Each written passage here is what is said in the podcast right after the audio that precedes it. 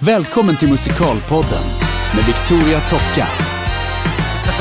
Why God? Why this face? Why this face? Ja, men är det inte det? jo, jo, men det är så jävla dumt. Ja. ja, this face. Why this face? Det var ju bara för att de ville rimma. Sen, why this such beauty in, In this, this place? place, ja. De bara, vad rimmar på place? Face. Vi tar Face. hennes face. Vi tar hennes face. Varför detta face? Okej, vänta. Idag får jag äntligen prata med Glenn Nedell i Musikalpodden. Välkommen! Tack så mycket. Juhu! Jag har nästan ingen röst för jag sover inget på nätterna. Åh nej, vad tragiskt. Ja, men så är det. Du har tre barn ju och Mm. eh, spelar Phantom of the Opera just nu. Ja. Mycket att göra med andra ord. Ja, så är det ju. Sena kvällar och tidiga morgnar. Ja, och mycket däremellan såklart. Ja, precis. Men eh, du och jag träffade varandra första gången, om jag inte har helt fel, när vi gjorde eh, konståknings-EM i Malmö. Ja, precis ja. Hur började du med musikal och musik? Eh, ja, det var ju inte på konståknings-EM i. Malmö. Men, men det var, eh, när jag var barn så sa, jag, jag har alltid velat eh, bli skådespelare. Och när jag var barn, eller sen när jag kom upp i, li- liksom i den mogna åldern när man ska välja gymnasium så kändes inte det aktuellt längre för det kändes som en overklig tanke sådär. Ja, jag fattar. Så jag valde ju då att eh, gå djurvård, jakt och fiske. Uppe i Lycksele. För att det känns mer rimligt eller? Ja, det, det kändes som ett eh, yrke liksom som ändå var Bara sådär. vakta djur? Typ. Ja, och jag hade praoat på Furuviksparken. Just det, och... för du är från Gävle. Jag är från Gävle, precis. Mm. Och där ligger Furuviksparken. Och jag tyckte det var kul att hålla på med djur. Så jag sökte mig till det. Så jag flyttade upp till Lycksele när jag var 16 år. Ja. Men där uppe i Lycksele då, det var ju väldigt, det var en kul utbildning, jag kan inte säga något annat än så. Men där uppe i Lycksele så fanns det bara en affär, Åhléns. Och så fanns Domus också, det fanns två affärer. Och en liten, liten, liten skivavdelning inne på Åhléns. Ja. Och jag hade ju lite annorlunda musiksmak så det fanns inte så mycket att välja på där för mig. Men där fanns en skiva, Chess Pieces, som jag köpte för jag kände igen eh, One Night in Bangkok och I know him so well. Ja. Och så tänkte jag, jag köper den, ser vad det är för någonting. Och jag bara dog. Alltså jag tyckte, när jag, det var första gången jag hörde Anthem med Ja. Tommy Körberg. Och jag visste inte vad jag skulle ta vägen. Alltså hela kroppen bara rös och jag fick så här, ah det här är ju livet! Ja. Ja, och, eh, och då började jag liksom få igång de här tankarna igen på att eh, skådespela och då fick jag upp ögonen för att sjunga också. Och sen så rullade det på, sen började jag köpa musikalskivor. Min andra skiva var The Phantom of the Opera. Ja. Som jag är med i nu då. Och då var det också sådär, då satt jag med hör, jag kommer ihåg det så väl för jag satt hemma hos mamma med hörlurar och bara rös för jag tyckte det var så fantastiskt jävla bra. Sen när jag gick ut eh, djurvård, jakt och fiske, då fick jag jobb direkt på Furuviksparken. Och jag visste liksom inte direkt hur jag skulle gå vidare med, med de här artistdrömmarna. Men jag började spela amatörteater i Gävle. Och sen så såg jag en, jag fick se en annons Ja. i tidningen att de sökte folk till eh, Jesus Christ Superstar i Kalmar.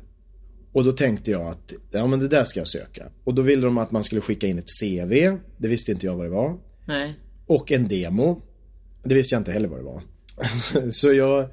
Så jag började, och Google fanns ju inte på den tiden. Så jag började fråga runt bland folk vad en demo var. Så till slut så fick jag reda på det. Ja, det är att man, sjung, man sjunger in en sång och så skickar man det dit. Och på mitt CV då skrev jag, som jag också tog reda på vad det var. På mitt CV skrev jag amatörteater i Gävle. Det var det enda jag hade gjort. Och sen så tog jag och satte på Anthem på min eh, stereo hemma och så hade jag en sån bärbar bandspelare som jag stoppade in en kassett och tryck, tryckte på rec. Så sjöng jag ovanpå Tommy Körbergs röst in, in i den där bandspelaren. Och så skickade jag ner det till, till Kalmar. Ja. Och jag vet inte, de måste säkert ha garvat ihjäl sig. Men de ringde upp mig och så sa de att vi tycker du sjunger fint så vi vill att eh, du kommer ner och provsjunger. Och så gjorde jag det. Och så fick jag vara med. Och fick till och med en liten roll, Simon Siloten. Och på det, det är lite på den vägen och sen så eh, sökte jag en krogshow uppe i Sälen. och den eh, som jag också fick jobb i där då. Så jobbade jag en säsong i Sälen med krogshow. Och sen så började jag tänka, ja men nu måste jag faktiskt utbilda mig. Så jag sökte en massa skolor. Eh, jag sökte Kulturama, Balettakademin. Ja. Men så min flickvän då som jag hade då. Hon eh, hade sökt en skola i Oslo. Som hon hade kommit in på. Som heter Bådarakademit. Och då ville ju jag, jag ville ju flytta med henne dit då. Så då eh, ringde jag upp dem och så sa jag Hej är det för sent att ansöka om skolan? För hon hade ju redan ansökt. Och då säger de Ja ja det, det, är, eh, det är ju för sent. Det var ju för två månader sedan eller något sånt där säger de. Men du är gutt va? Ja, ja det är jag. Ja, vi har, så, vi har inte så många gutter i klassen då, så du får en extra chans. Så då fick jag åka dit och göra audition helt ensam. Så jag stod där med en liten jury och så fick jag göra dansprov helt själv, sångprov. Och så kom jag in där på den skolan också. Så, eh, jag kom in, för övrigt in på alla skolor jag sökte. Hurra för Glenn! och, så flytt, och så tänkte jag, ja nu drar jag och eh, min tjej dit. Så gjorde vi det. Ja. Men eh, innan, en månad innan vi åkte dit så gjorde hon slut med mig. Nej! det, Fasen vad taskigt. Börjar ni i samma klass ändå? ja, Ja. wow. Men det var ju jobbigt. Åh. Hjärtskärande. Åh. Men, eh, men eh, och så gick jag där ett och ett halvt år. Och sen så, men jag, jag trivdes inte så bra där i Oslo så jag började söka lite jobb. Så jag sökte jobb i Köpenhamn, i Jesus Christ Superstar. Jo men vad där vi träffades första gången ju. I Köpenhamn. Ja, det var det ja! I Köpenhamn. Ja! Via Lunarstorm. Kommer du Ja! ihåg det? Det är ju skitroligt! Ja. Kommer du ihåg Lunarstorm? Ja, men grejen var den att då gjorde du Jesus Christ Superstar Ja. i Köpenhamn samtidigt som jag gjorde mitt första år i Phantom of the Opera i Köpenhamn. Precis. Och jag kände ju folk som du jobbade med. Ja, Och så att vi träffades ju där. Så, är det. Så är det. Och det var då du frågade om jag ville vara med där på konståknings Precis. EM. För att, eh, lång historia kort där, men jag hade blivit tillfrågad om att sköta underhållningen under konståknings-EM i Malmö. Just det. Och eh, då ville de ha eh, bland annat ABBA. Alltså lite så Ja. ABBA-underhållning. Ja. Så att vi eh, var ju, och då var Sonja Aldén med. Ja, och Petter Ahlfors. Petter Ahlfors som också var med i Från Broadway till Duvemåla i Växjö. Och så var Ja, det just det. Glenn Edell och eh, jag. Ja, Eh, som då var ABBA ABBA i ja. Malmö. Det Ha- var ju sjukt kul. Hade, hade du lånat riktiga ABBA-kläder? Ja, alltså vi lånade ju kläder utav Ove Sandström som sydde allting åt Just ABBA. det. Så han hade ju, Hur gör djur-Ove? precis. Och Ove har ju eh, ett enormt kostymförråd med eh, massvis av kopior bland annat då på origina- Abbas originalkläder. ja, det var kopior. Ja, ja. Ja, precis. Så att eh, då fick vi ju låna, men kopiorna är ju exakt likadana som originalen för att det är samma människa som har gjort dem liksom. Just det. Så att vi hade ju liksom verkligen så här original ABBA-klädsel på den där grejen. Ja. Ja. Och jag minns, det här var ju ganska kul för vi skulle ju ha platåskor, jag och Petter. det var jätteroligt. Och, eh, och, och då säger Vi- Victoria till oss innan att pro, testa nu att gå i de här platåskorna för det är inte lätt att gå i högklackat. Och jag och Petter vi började raljera. Vi kan gå i högklackade platåskor. Ingen fara. Så vi sket ju fullständigt i att testa de där platåskorna. och Mm, jag det första det. som hände, vi, vi var ju i eh, På Slakthuset. Slakthuset Mm. i Joseph and the Amazing Technicolor Dreamcoat-dekoren. tror jag. Precis. Ja. Och där var det en lång trapp som vi skulle göra en väldigt brant och brant lång också. lång trapp som vi skulle göra entré och det första som händer är att jag tar ett steg med de här platåskorna och rullar hela vägen ner för trappen. Åtminstone var det så i mitt huvud. Jag, kan... jag kommer inte ihåg, men jag, för att vi, jag och Sonja stod ju med ryggen åt det, men jag bara minns att jag hörde i princip ja. Men du fick ju alla sympatier med dig. Ja. Så att det var ju bra. Det fick jag. Det var väldigt många av de söta konståkningsflickorna sen som blev lite småförtjusta i Glenn, ska jag väl Ja, säga. det var ju trevligt. Ja, precis. Sen sjunger vi också på avslutningsmiddagen. Avslutningsmiddagen, men då gjorde vi lite mer eh, musik, då gjorde vi musikalgrejer. Ja, Eh, precis. Det var jätte, eh, jättekul vecka. faktiskt Ja, hela den veckan. Vi fick göra ganska mycket där. Ja. Ja, någon konserter för Och du Malmö sjöng, stad. på, och... du sjöng på eh, avslutningsgalan där på isen också. Ja men Ja, precis, just alltså det. det var ju en sån, också en sån här sjuk grej. Var du med på avslutningsfesten med konståkarna på lördagskvällen? Det var du va? Ja, det var jag. Ja, för att det var ju inte alls bestämt att jag skulle sjunga på galan på isen.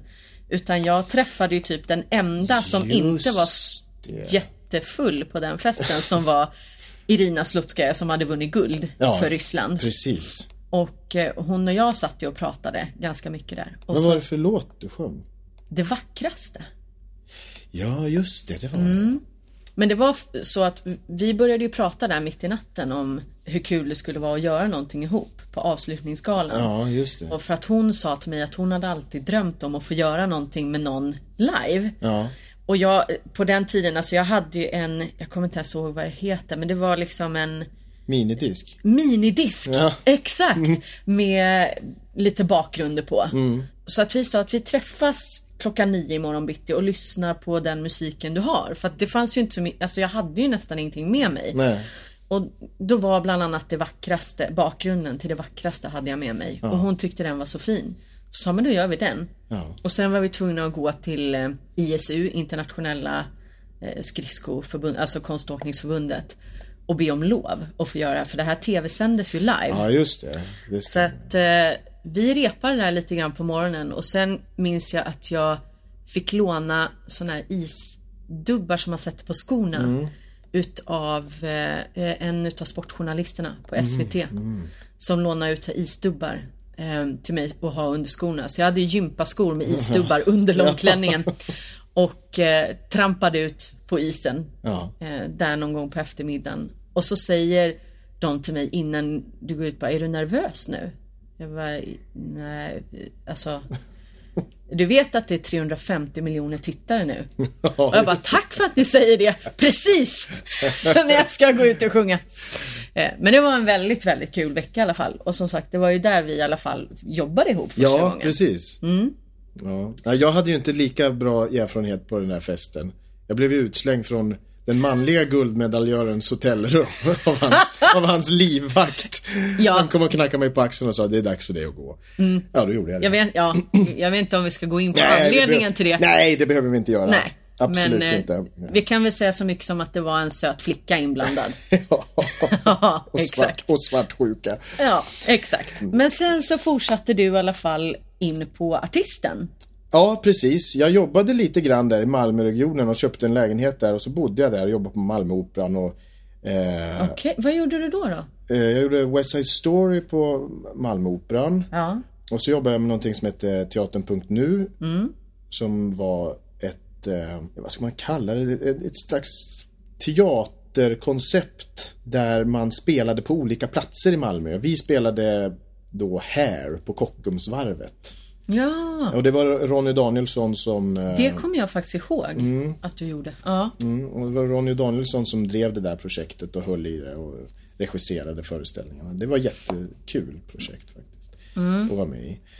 Och, eh, och så jobbade jag lite på Värmlandsoperan. Men när jag var på Värmlandsoperan då gjorde vi Blodsbröder där med Christer Nerfont och Cecilie Nerfont, Mattias Palm med flera, Anders Wengdahl. Och alla hade gått en högre utbildning. Jag hade ju bara gått Borderakademiet i Oslo som jag hoppade av efter ett och ett halvt år för, Ja. att, för att jag fick jobb. Eh, och alla som var på Värmlandsoperan där hade gått på antingen Teaterhögskolan eller på Artisten. ja, just det.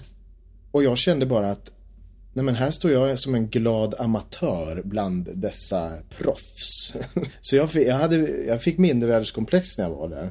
Det var en kul föreställning och det, det, liksom, det gick ju bra att spela och så vidare. Men jag kände att jag behövde redskap. Så då sökte jag till eh, Artisten. Som är då Teaterhögskolans musikalprogram i Göteborg. Just det. Och det är väl egentligen den enda av sitt slag i Sverige i alla fall. Ja, det är det. Och så eh, kom jag in där, vilket var jätteroligt. Eh, på den tiden var det ju ansökningar bara vartannat år. Så det var jättesvårt att komma in och det var bara sju personer i klassen och så vidare. Och det var verkligen superbra och verkligen lärorikt. Och sen har det rullat på. Ja, det Ja. får man ju verkligen säga. Mm. Men vad, vad var första jobbet du gjorde efter skolan då? Efter artisten? Eh, det var en musikalversion av operan Carmen. Ja, det var också i Malmö. Jag var i Malmö. Jag har, Mm. gjort, jag har jobbat massor i Malmö. Och det var Ronny Danielsson igen. Jag, Ja. brukar, gö- jag brukar säga att jag gör varannan produktion med Ronny Danielsson. Han har blivit liksom som min musikalpappa på något vis. Sen åkte jag till Finland och gjorde La Cage aux Folles på Svenska Teatern Helsingfors. Och det, det var fantastiskt. För alltså, Finland eh, är, det kanske inte är så roligt att vara där jämt. Men det är ett otroligt härligt land att jobba i. För eh, det, det är ett annat klimat på teatrarna. Ett omhändertagande klimat, ett mer kollegialt sätt att arbeta och det är inte så där att man direkt stämplar någon att det här är du och det här kan du utan det är mer ett kollektivt tänkande i Finland som jag Ja. tycker är eh, härligt. ja, jag har aldrig jobbat där. Så... Ja, jag har varit där i tre olika produktioner och jag tycker alltid det är kul att komma tillbaks dit och jag har fått oerhört bra vänner där borta. Eh, Georg Alvius regisserade La Cage aux Folles. Honom har jag jobbat en del med. Men sen tycker jag, jag har haft sån jävla underlig kurva. Jag vet inte om det beror på att jag har blivit äldre nu så att jag befinner mig i någon slags mellanläge. Men när jag kom ut från skolan Ja. så fick jag jättemycket fina roller. Och så har det liksom dalat från ro- jättefina roller till biroller till ensemble befinner jag mig på nu. Men jag vet inte om jag är någon slags mellan... Men du, jag tror att, läge. nej, men jag tror att det är sådär att man det går ju liksom i vågor Ja. lite också, precis som du beskriver nu beroende på var man befinner sig. För att du är ju också, alltså ser ju också ganska ung ut för din ålder. eh, vilket man ska vara glad för på många sätt. Men just i vårat yrke så just nu kanske du befinner dig då i den här svackan där du inte spelar de unga hjältarna kanske Nej. längre. Nej. Jag skulle i och för sig kunna kasta dig som det ändå tycker jag.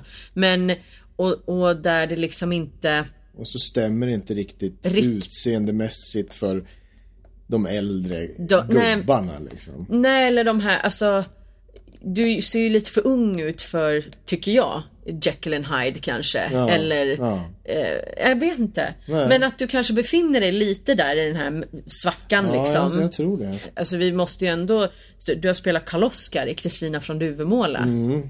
Jag menar, är inte det en kar så säg? Det är en kar det ja. Ja. Ja, det var, Men- var ju fantastiskt. Ja, men innan vi kommer till Kristina. Mm. Så innan det så gjorde du ju Les Misérables Ja. i Finland. Ja. Där du spelade Marius. Ja. Det måste ju ha varit en drömroll. Ja, ja, gud ja. Det, alltså, det är en av de eh, karaktärerna som jag har stått i vardagsrummet och sjungit mest. Ja. ja men jag fattar Så- det. Du ser ju ut som en Marius också. Ja, så det var, när jag fick den rollen så var det ju bara så här, fy fan vad roligt.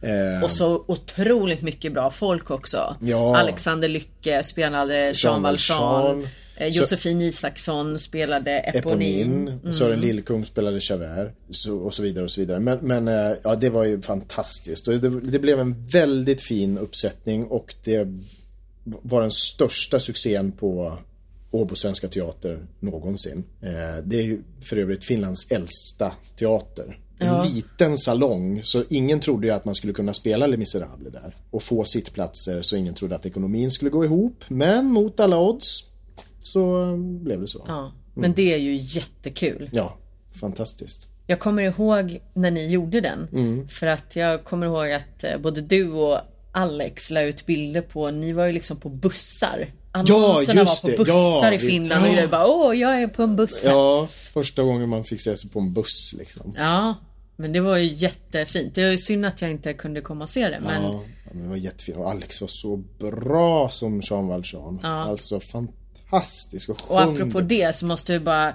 eh, göra lite reklam. De släppte ju faktiskt den nyheten igår tror jag. Att eh, Les Misérables ska upp i Jönköping på Spira. Ja, där Alex det. ska spela Jean Valjean igen. Så att de som inte har sett detta, eh, alltså rekommenderar jag varmt att åka till Jönköping nästa höst och se Alexander Lycke som Jean Valjean i Les Det Misérables. tycker jag verkligen att Mm. de ska göra. Men ja, så då gjorde du Les Misérables och efter det Jag- gjorde Les Misérables en gång till, fast i Malmö. Mm. Med Ronny Danielsson. fast då spelade jag inte Marius, då spelade jag Grantär. Sen hände Kristina. Och där måste jag fråga för att jag brukar säga att jag har själv haft liksom tre eller två drömföreställningar i mitt liv. Och den första var Fantomen på Operan. Det är liksom alltid min så första kärlek kan Ja, man säga. Och sen var det ju originaluppsättningen av Kristina från Duvemåla som jag också såg, jag vet inte hur många gånger och grina varje gång. Och sen har jag ju fått en ny favorit nu i Broarna i Madison County. Men eh, hur har, alltså är Kristina en sån föreställning som du hade en relation till innan eller något som du hade Ja. drömt om att göra? Ja, absolut. Jag kommer ihåg när jag köpte plattan Kristina. Då, jag förväntade mig att det skulle vara Chess. Jag visste ju inte, för jag hade aldrig hört musiken. Jag visste bara att den hade spelats Ja. i, i Malmö. Och så släpptes skivan och så gick jag och köpte den. Den var svindyr. Jag tror den kostade typ 450 kronor där på 90-talet. Och det var ju hur mycket pengar som helst. Och så kom jag hem och så satte jag på den och jag tänkte, jaha, vad är det här? Är det folkmusik? Ja, vad märkligt. Men sen så... och den var lång liksom. Det var tre Ja. CD-skivor och... Jag la den lite åt sidan. Jag, jag kunde liksom inte gå in i det där. Nej. Men så helt, efter, efter, jag vet inte, något halvår eller sådär så plockade jag fram den igen och så började jag lyssna en gång till och då var jag helt fast. Jag vet inte om det hade mognat i mitt huvud vad det var för slags musik jag skulle höra. Och så när det kommer till Du måste finnas. Ja. Alltså jag ba- då dog jag igen. Det var ju precis som första gången jag hörde Chess. Då var det såhär, men vad är det här för galenskap? Fy fan vad det här är bra! Det, Alltså, och sen var jag helt fast. Och jag har sjungit de där låtarna och eh, spelat alla karaktärer tror jag, Kristina hemma då. Ja. men, Ja. men, men, eh, men sen när det var audition då för eh, den här nyuppsättningen. Det var ju originaluppsättningen. ja, precis. Fast med nytt folk då. Så var jag, första gången jag var där då, eh, då sjöng jag Anthem. Och jag var så nervös för Björn och Benny satt ju där och Lars Rudolfsson som var regissören då. Och, Ja. och, och eh, teaterchefen från Svenska Teatern. Och jag var så nervös. Och så skulle jag sjunga Anthem. Mm. Och jag tänkte så här, vad Hur tänkte jag nu? Ja, och så, var, så när jag gick, var på vägen så tänkte jag, vad fan valde du Anthem för? Och så satte jag igång och sjunga. Och eh, när jag är klar, då slå, slår Benny Andersson näven i bordet. Nu ska jag inte göra det, för då... Men han slog näven i bordet och så sa han, fy fan vad bra! Nej! High five Ja. på den Woo! liksom! Och då, liksom, då var det som all eh, eh, nervositet bara, okej. Men sen skulle man ju gå och vänta på callback då. Och jag tänkte ju per automatik att den enda rollen jag var aktuell för var Robert. Robert. Jag kommer ihåg att du berättade det för mig. Ja, gullet blev till sand. Men så får jag callback för Karl-Oskar. Jag tänkte, men gud. Och det var ju många fler som fick det också. Alex Lycke till exempel. Och och Ja. jag tänkte att, ja men nu är ju, det finns ju, varför ska jag åka dit ens en gång? Alex Lycke får ju det här, tänkte jag. Men, eh, och så åkte jag dit och så sjöng jag igen. Och de var jättenöjda. Och sen så ringer de mig någon vecka senare och så säger de Glenn, kan inte du komma in? Eh, vi skulle behöva att du är Karl-Oskar eh, en hel dag här för vi ska träffa en massa olika Kristinor. Och så, får, och så kan du sjunga Karl-Oskar. Och då tänkte jag, ja men nu har ju jag fått Karl-Oskar. Nu är det ju jag som Ja. ska spela Karl-Oskar, tänkte jag. Så jag åkte in och, åkte in och så sjöng jag mot en massa olika eh, tjejer då. Bland annat då Maria Yllepe. Ja. Som fick Kristina då sen till slut. Och så går det några veckor till efter det där. Och så ringer de då från teatern och så säger de ja vi vill att du ska spela Pastor Jackson och vara understudy för Karl-Oskar. Och jag, men, alltså jag var så besviken för i mitt huvud hade jag redan fått rollen. Ja, men så tror jag faktiskt att alla hade tänkt. Eller att man hade känt så själv. ja. Så jag förstår ju det där absolut. Men jag fick ju spela Karl-Oskar. Jag tror jag spelar rollen, jag höll ju på med Kristina i tre år. För du spelade både i Finland, i Göteborg Göte- och på Cirkus i Stockholm. Ja, och eh, jag spelade nog Karl-Oskar en 50-60 gånger i alla fall. Ja. Så jag fick ju spela rollen. Så till slut så kändes det ju som att, att ja, den var min också på något vis. Jag, Ja, liksom, precis. det- Ja, men du var ju nästan alternerande. Ja, alltså, i, man... Det var inte bara så att man gjorde ett nervöst inhopp då och då utan jag spelade ju nästan en gång i veckan till slut. Så att, eh, ja. Ja, precis. Jag är faktiskt lite ledsen över att jag aldrig fick möjlighet att se dig i rollen. Jag gjorde ju några försök där. Jag vet Ja. att jag var inne och såg eh, Josefin som Ja, Kristina just bland annat. Ja. Men det var det var en upplevelse. Och jag minns mitt, mitt första inhopp som Mm. Karl Oskar. Vi hade ju repeterat Vi repeterade alla inhoppsrep där i Finland och i Finland har de eh, fackligt reglerade regler för hur inhoppsrep ska gå till. Vilket vi inte riktigt har i Sverige på samma sätt. Nej. Men de är väldigt generösa och eh, de kräver genomdrag med full orkester, full teknik, alla ska vara på scenen eh, så att det är som en riktig föreställning. Och det ska man göra ett par gånger. Så man var ju väldigt välrepeterad eh, när det var dags för inhoppet då. Men fy fan, alltså det var, jag tror det, det, det var nog det värsta jag varit med om. Hur mycket man än repeterar så, kan man inte, så är man inte beredd för den där rollen. För man är ju på scenen alltså 90% jag tror Kristina, Kristina, rollen Kristina hon är på scenen 97% av hela föreställningen och Ja. Karl Oskar han är väl på scenen 90% och när, när vi, Och den håller på i typ fyra timmar. Ja, i fyra timmar. och, och när vi hade kommit halvvägs in i första akten, Ja. när vi var på båten, då tänkte jag, ja men tack så mycket för mig, nu är jag klar, nu, kan jag, nu ska jag gå hem.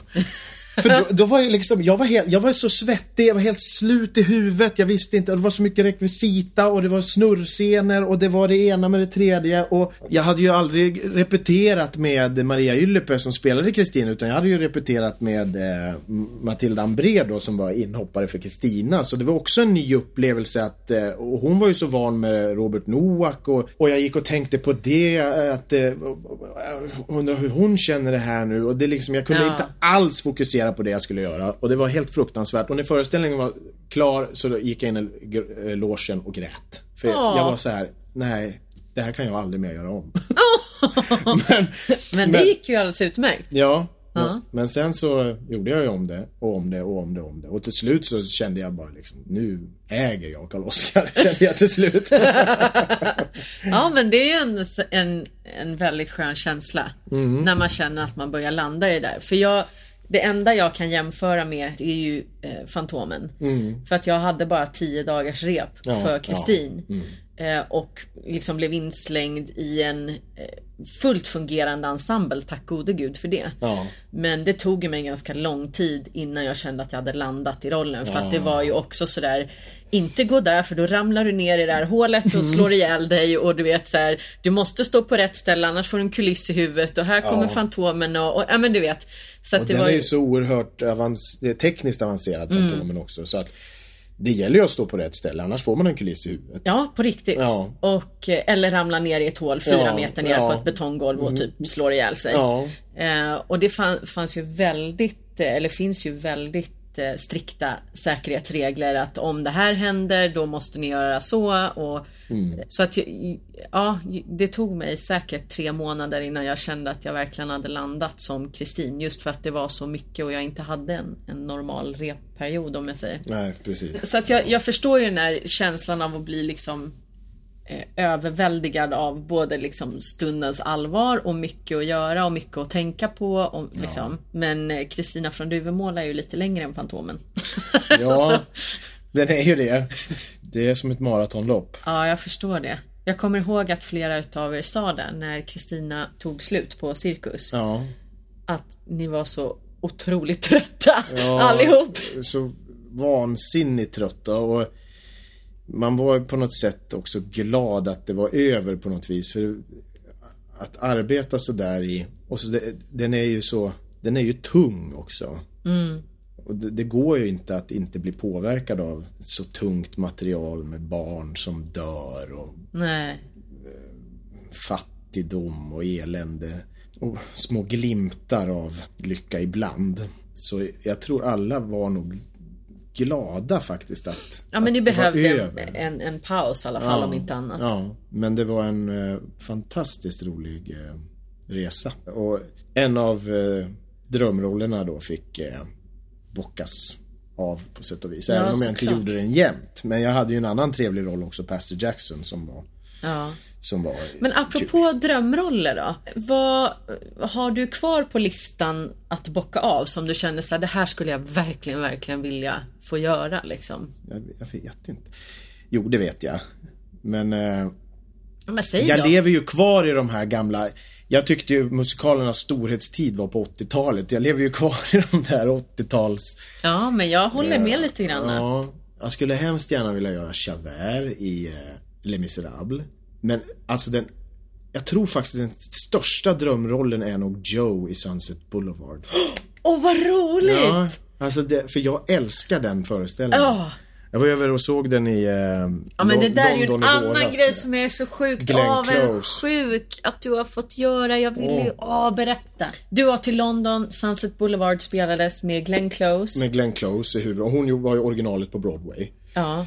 Eh, Och svenska Fred Johansson. Svenska Fred Johansson, han, han var med. Och eh, han känner ju jag, vi har jobbat flera gånger med varandra. Ja. Och jag hade en sån här jättestor förhoppning om att få träffa Glenn Close då. Ja. Glenn möter Glenn på något vis. Så tänkte du. Ja. Ja. Eh, och Fred han hade skrivit upp oss, eh, det var jag och Peter Jöback för övrigt som var där och tittade. Ja. Eh, Fred hade skrivit upp mig och Peter på, eh, på backstage-listan. För det var rigorös säkerhet där, för det var så mycket fans. Hon är en Hollywood-stjärna liksom. som ja visst. Legend. Ja, och det stod massor med fans utanför. Det kändes så lyxigt att bara gå in där och liksom, man kände sig viktig på något vis. Älskar Glenn Hedell. Ja, det är så skönt. Ja, så, Ja. Och så kommer vi ner och till Freds loge. Man hade ju tänkt att nu sitter Fred, för han spelade en av eh, huvudrollerna. Ja. Och nu sitter, kommer Fred att sitta i någon flådig loge med fåtöljer och champagne. Och Glenn Close. Och Glenn Close kommer och knackar på och Glenn möter Glenn och Nej, då, då kommer Fred och möter oss och så går vi ner i källaren och där så är, sitter han i något litet skiffer med, med, så här rör i taket och flagnade väggar. Helt oglamoröst. Och eh, inte fick jag träffa Glenn heller. Åh nej. Nej, för hon ville... Hon ville inte träffa Glenn. Nej, och jo, det ville hon säkert. Ja, det såklart. Men hon visste det inte bara. Men, Nej. men, eh, men det var lite sådär, man ska inte störa Glenn efter föreställningen och sådär. Så. Men föreställningen var fantastisk. Föreställningen var underbar och det var, alltså, och, och när Glenn Close, hon har ju kom, alltså hon är ju äldre nu än hon gjorde den tidigare. Från början, såklart. så, så rösten kanske inte var det den var en gång i tiden. Men, men när hon kommer ut och säger de här fraserna I am big, it's the pictures that got small. Då känner man bara att, ja. Det där, är så. Där står Norma Desmond. Ja. Det, det, och, sen, och sen om rösten var lite, liksom krackelerade lite ibland. Det gjorde ingenting för att eh, det var för något vis som att det, det tillhörde rollen av den här åldrande Ja, ja, eh, filmstjärnan som har förlorat allt. Och Fred Johansson, han var så bra. Alltså jag har aldrig sett Fred så bra. Och han ska ju till Broadway nu. Ja. Också. Det är fantastiskt. Grattis Fred! Ja, grattis Fred. Vad roligt. Ja, funderar på att åka dit och titta på den där Ja, också. jag vill också åka och se den. Så. Ja. Jättekul. Ja, den är ju Mm. svinbra. Men det är i alla fall en drömroll att få göra den, Joe Gillis. Ja, men det kan du ju göra. Alltså, Ja, det har du ju gud! gott om tid ja, att göra. absolut. Så att det är ju... Och, där, och det finns faktiskt en liten, jag fick ju den rollen. Nej. Jo, på Svenska Teatern i Helsingfors. Ja. Och den skulle sättas upp, eh, Georg Malmö skulle regissera. Och allt var klart och Johan Storgård hade ringt mig, teaterchefen, och kontraktet var klart och så vidare. Men sen drar eh, Lloyd Webber tillbaks eh, rättigheterna. Men varför det? Eh, för att han tyckte att orkestern var för liten. Eh, Han ville ha en orkester på minst 32 och teatern kunde sträcka sig till 24. Jag kommer inte ihåg exakt siffra men 24 eller något sånt där. De försökte lösa det med samarbete med Musikhögskolan och så vidare men det gick inte och var det under eh, 32 i orkestern då fick man inte spela. Fasen också. Ja.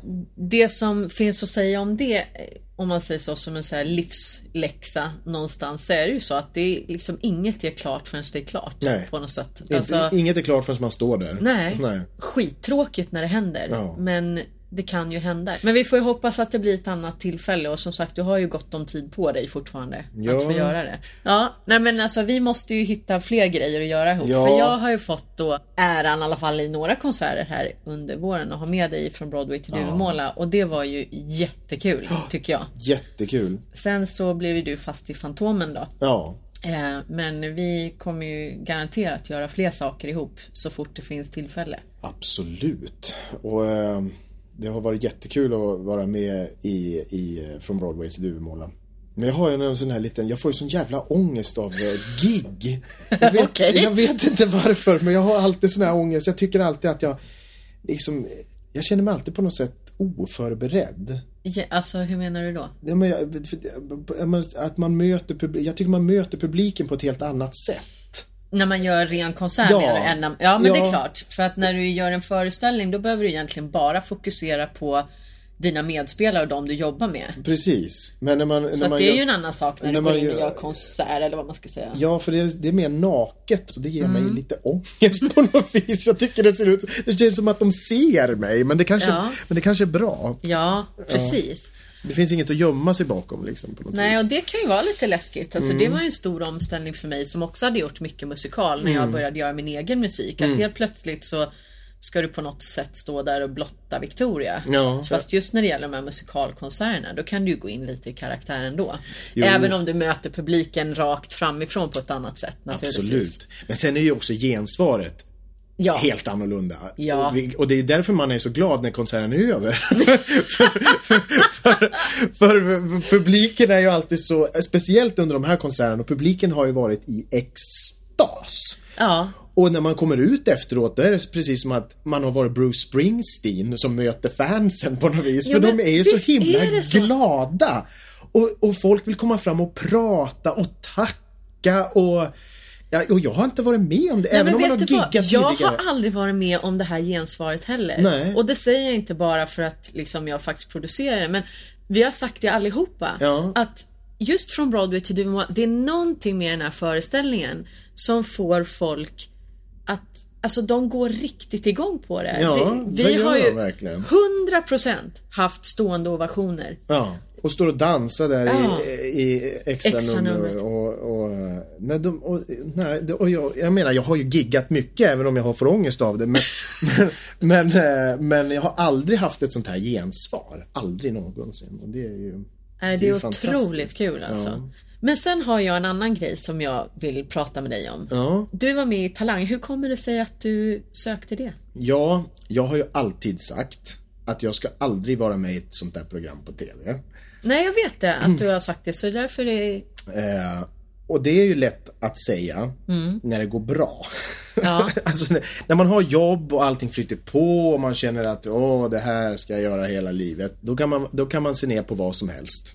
Men så hade jag en period där jag var arbetslös för första gången i mitt liv. Och jag tyckte att livet var över. Alltså på riktigt så kände jag så här att nej, vad ska jag göra nu? Och jag, fick verkligen, jag fick verkligen smaka på hur det är att vara liksom arbetslös.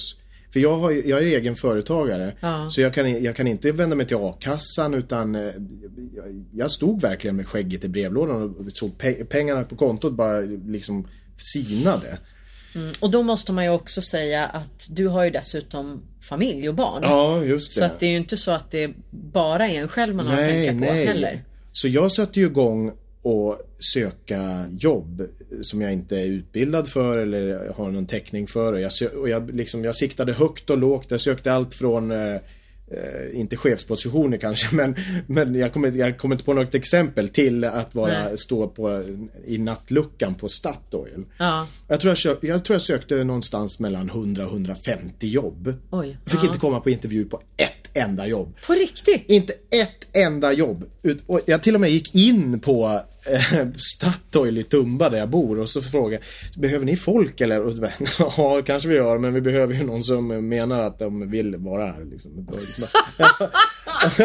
så det var liksom så här, det, var, det var helt omöjligt. Jag fick verkligen känna på hur kallt klimat det är där ute. Ja. Alltså att, det är, även om man vill, liksom vill jobba och kan göra vilket jävla jobb som helst. så var, det var liksom, nej. Dörrarna var stängda Dörrarna liksom. var stängda och jag, och jag började känna här, men jag kan ingenting. Jag, alltså jag är helt värdelös. Jag, jag, jag har gått en jävla skådespelarutbildning.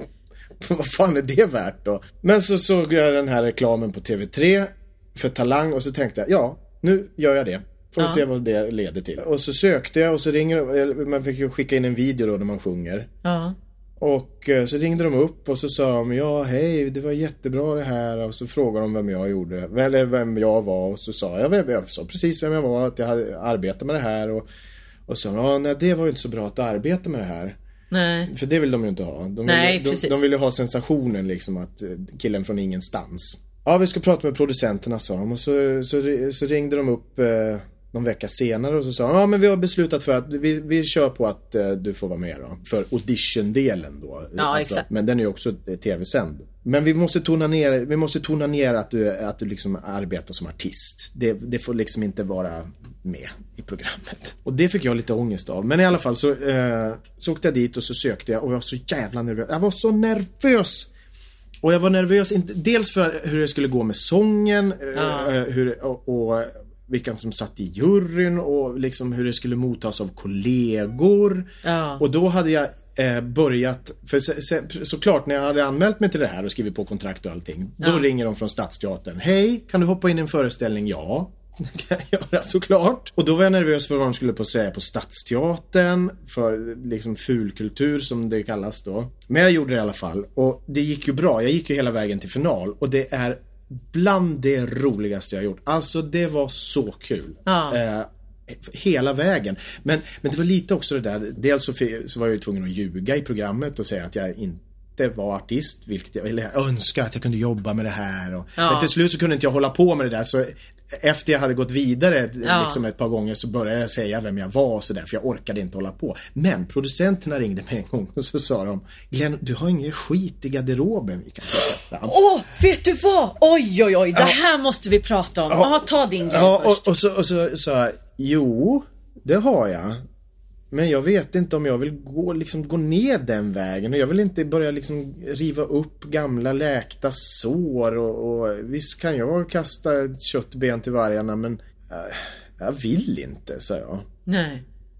Ja men jag tror att det, du skulle få mycket mer eh, folk som röstar på dig om det finns en snyfthistoria. Åh fy fan, vet du? Nu, alltså jag måste bara sticka in Ja, här. men jag- Exakt samma grej som hände i West End Star. Ja.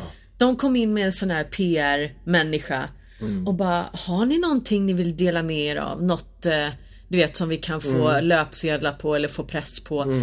Och jag var ju i alla fall en utav dem som bara, nej men jag vill inte det här. Och, och absolut inte att jag vill hänga ut någon utav mina andra kollegor Nej. för att man gör det man måste göra liksom och Ja. där väljer man själv.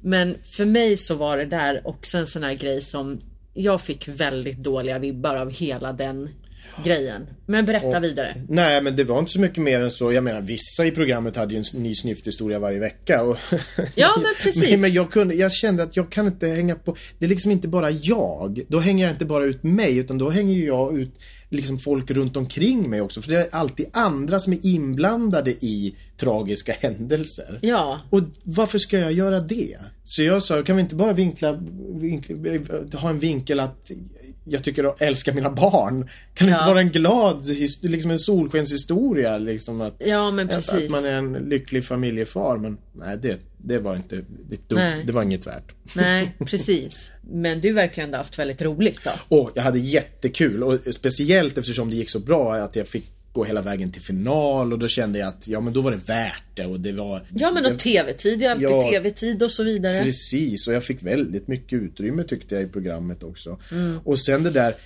eh, mottagandet hos kollegor som jag var så nervös för. Mm. Jag gick ju bara och oroade mig i onödan för folk var, alltså de var så snälla va. Och speciellt Ta det här rätt nu kära skådespelarkollegor. Fisförnäma skådespelare på Stadsteatern.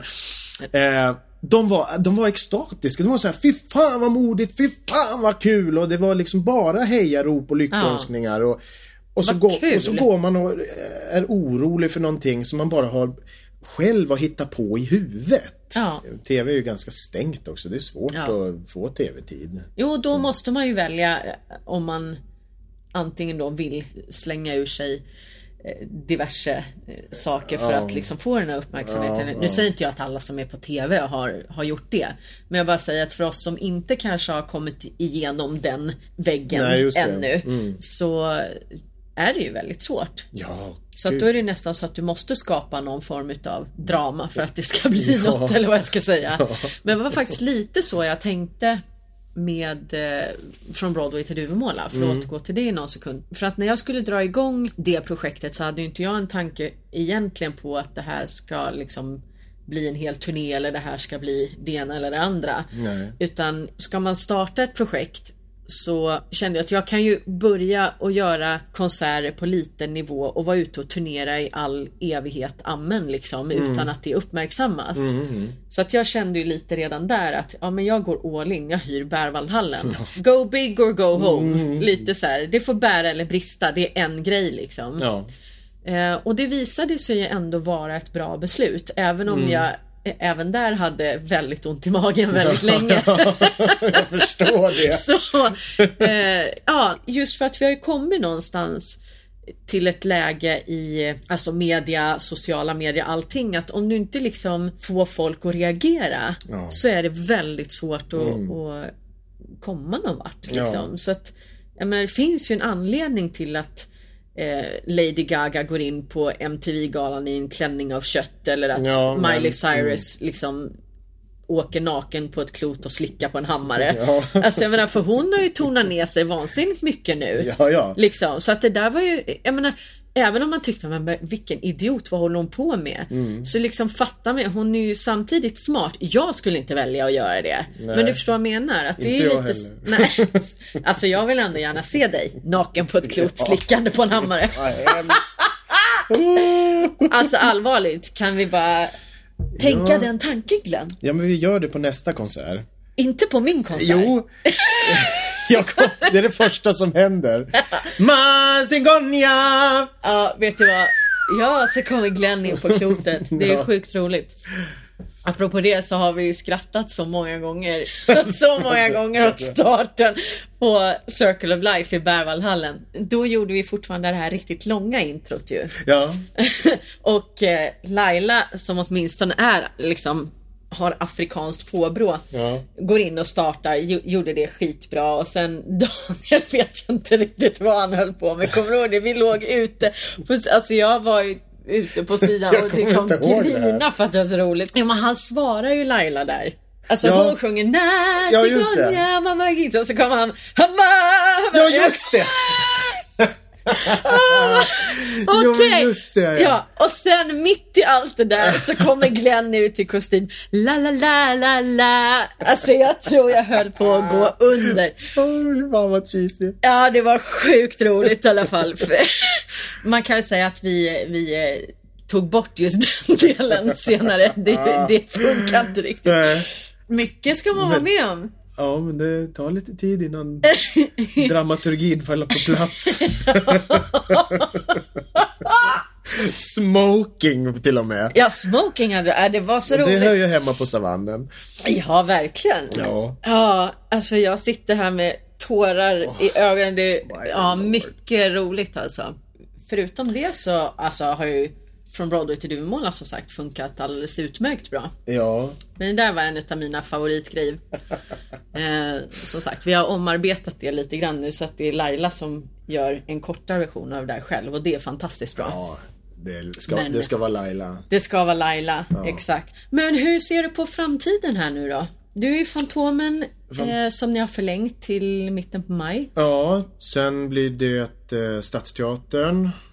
Billy Elliot. Jättekul ju. Ja. Det måste ju ändå vara otroligt skönt att liksom Ja, jätteskönt. För i, i vårat yrke där man frilansar Mm. och jag driver ju också eget bolag och sådär. Ja. Eh, att ändå ha projekt och veta att man har jobb en period framöver. Och speciellt när det löser sig så här pass tidigt också. Att, Ja visst, det är inte vanligt. Nej. Men sen är det så roligt också, eh, jag måste bara inflika, det det är mycket tillfälligheter som gör att man får jobb också ibland. Som till exempel det här med Billy Elliot på Stadsteatern. Ja. Då, då eh, hade jag fått det här jobbet som jag inte får prata om dem eftersom de inte har gått ut med det i media än. Och så pratar jag med regissören och så säger jag ja men det, det börjar ju, i- liksom det här jobbet börjar i november och det är liksom så konstig repstart och då, måste, då kan man ju inte tacka ja till andra jobb. Eh, och då får jag liksom kanske gå arbetslös en längre period. Ja, ja, ja, men jag, du kan vara med, med, med en annan grej så länge. Som han också regisserar då. Ja. Och då ringer de från Stadsteatern och så säger de Ja, du, du får vara med här i Billy Elliot. Så då Ja. fick jag två jobb på köpet av en. ja, det är ju fantastiskt. Ja, helt underbart. Tack så jättemycket för att du ville komma och vara med och prata med mig och eh, sprida glädje och kunskap Ja, men- och dumheter vi har gjort och diverse tack roligt. så mycket för att jag fick komma. Det var jätte, jätteroligt. Tack Glenn. Mm, tack Victoria.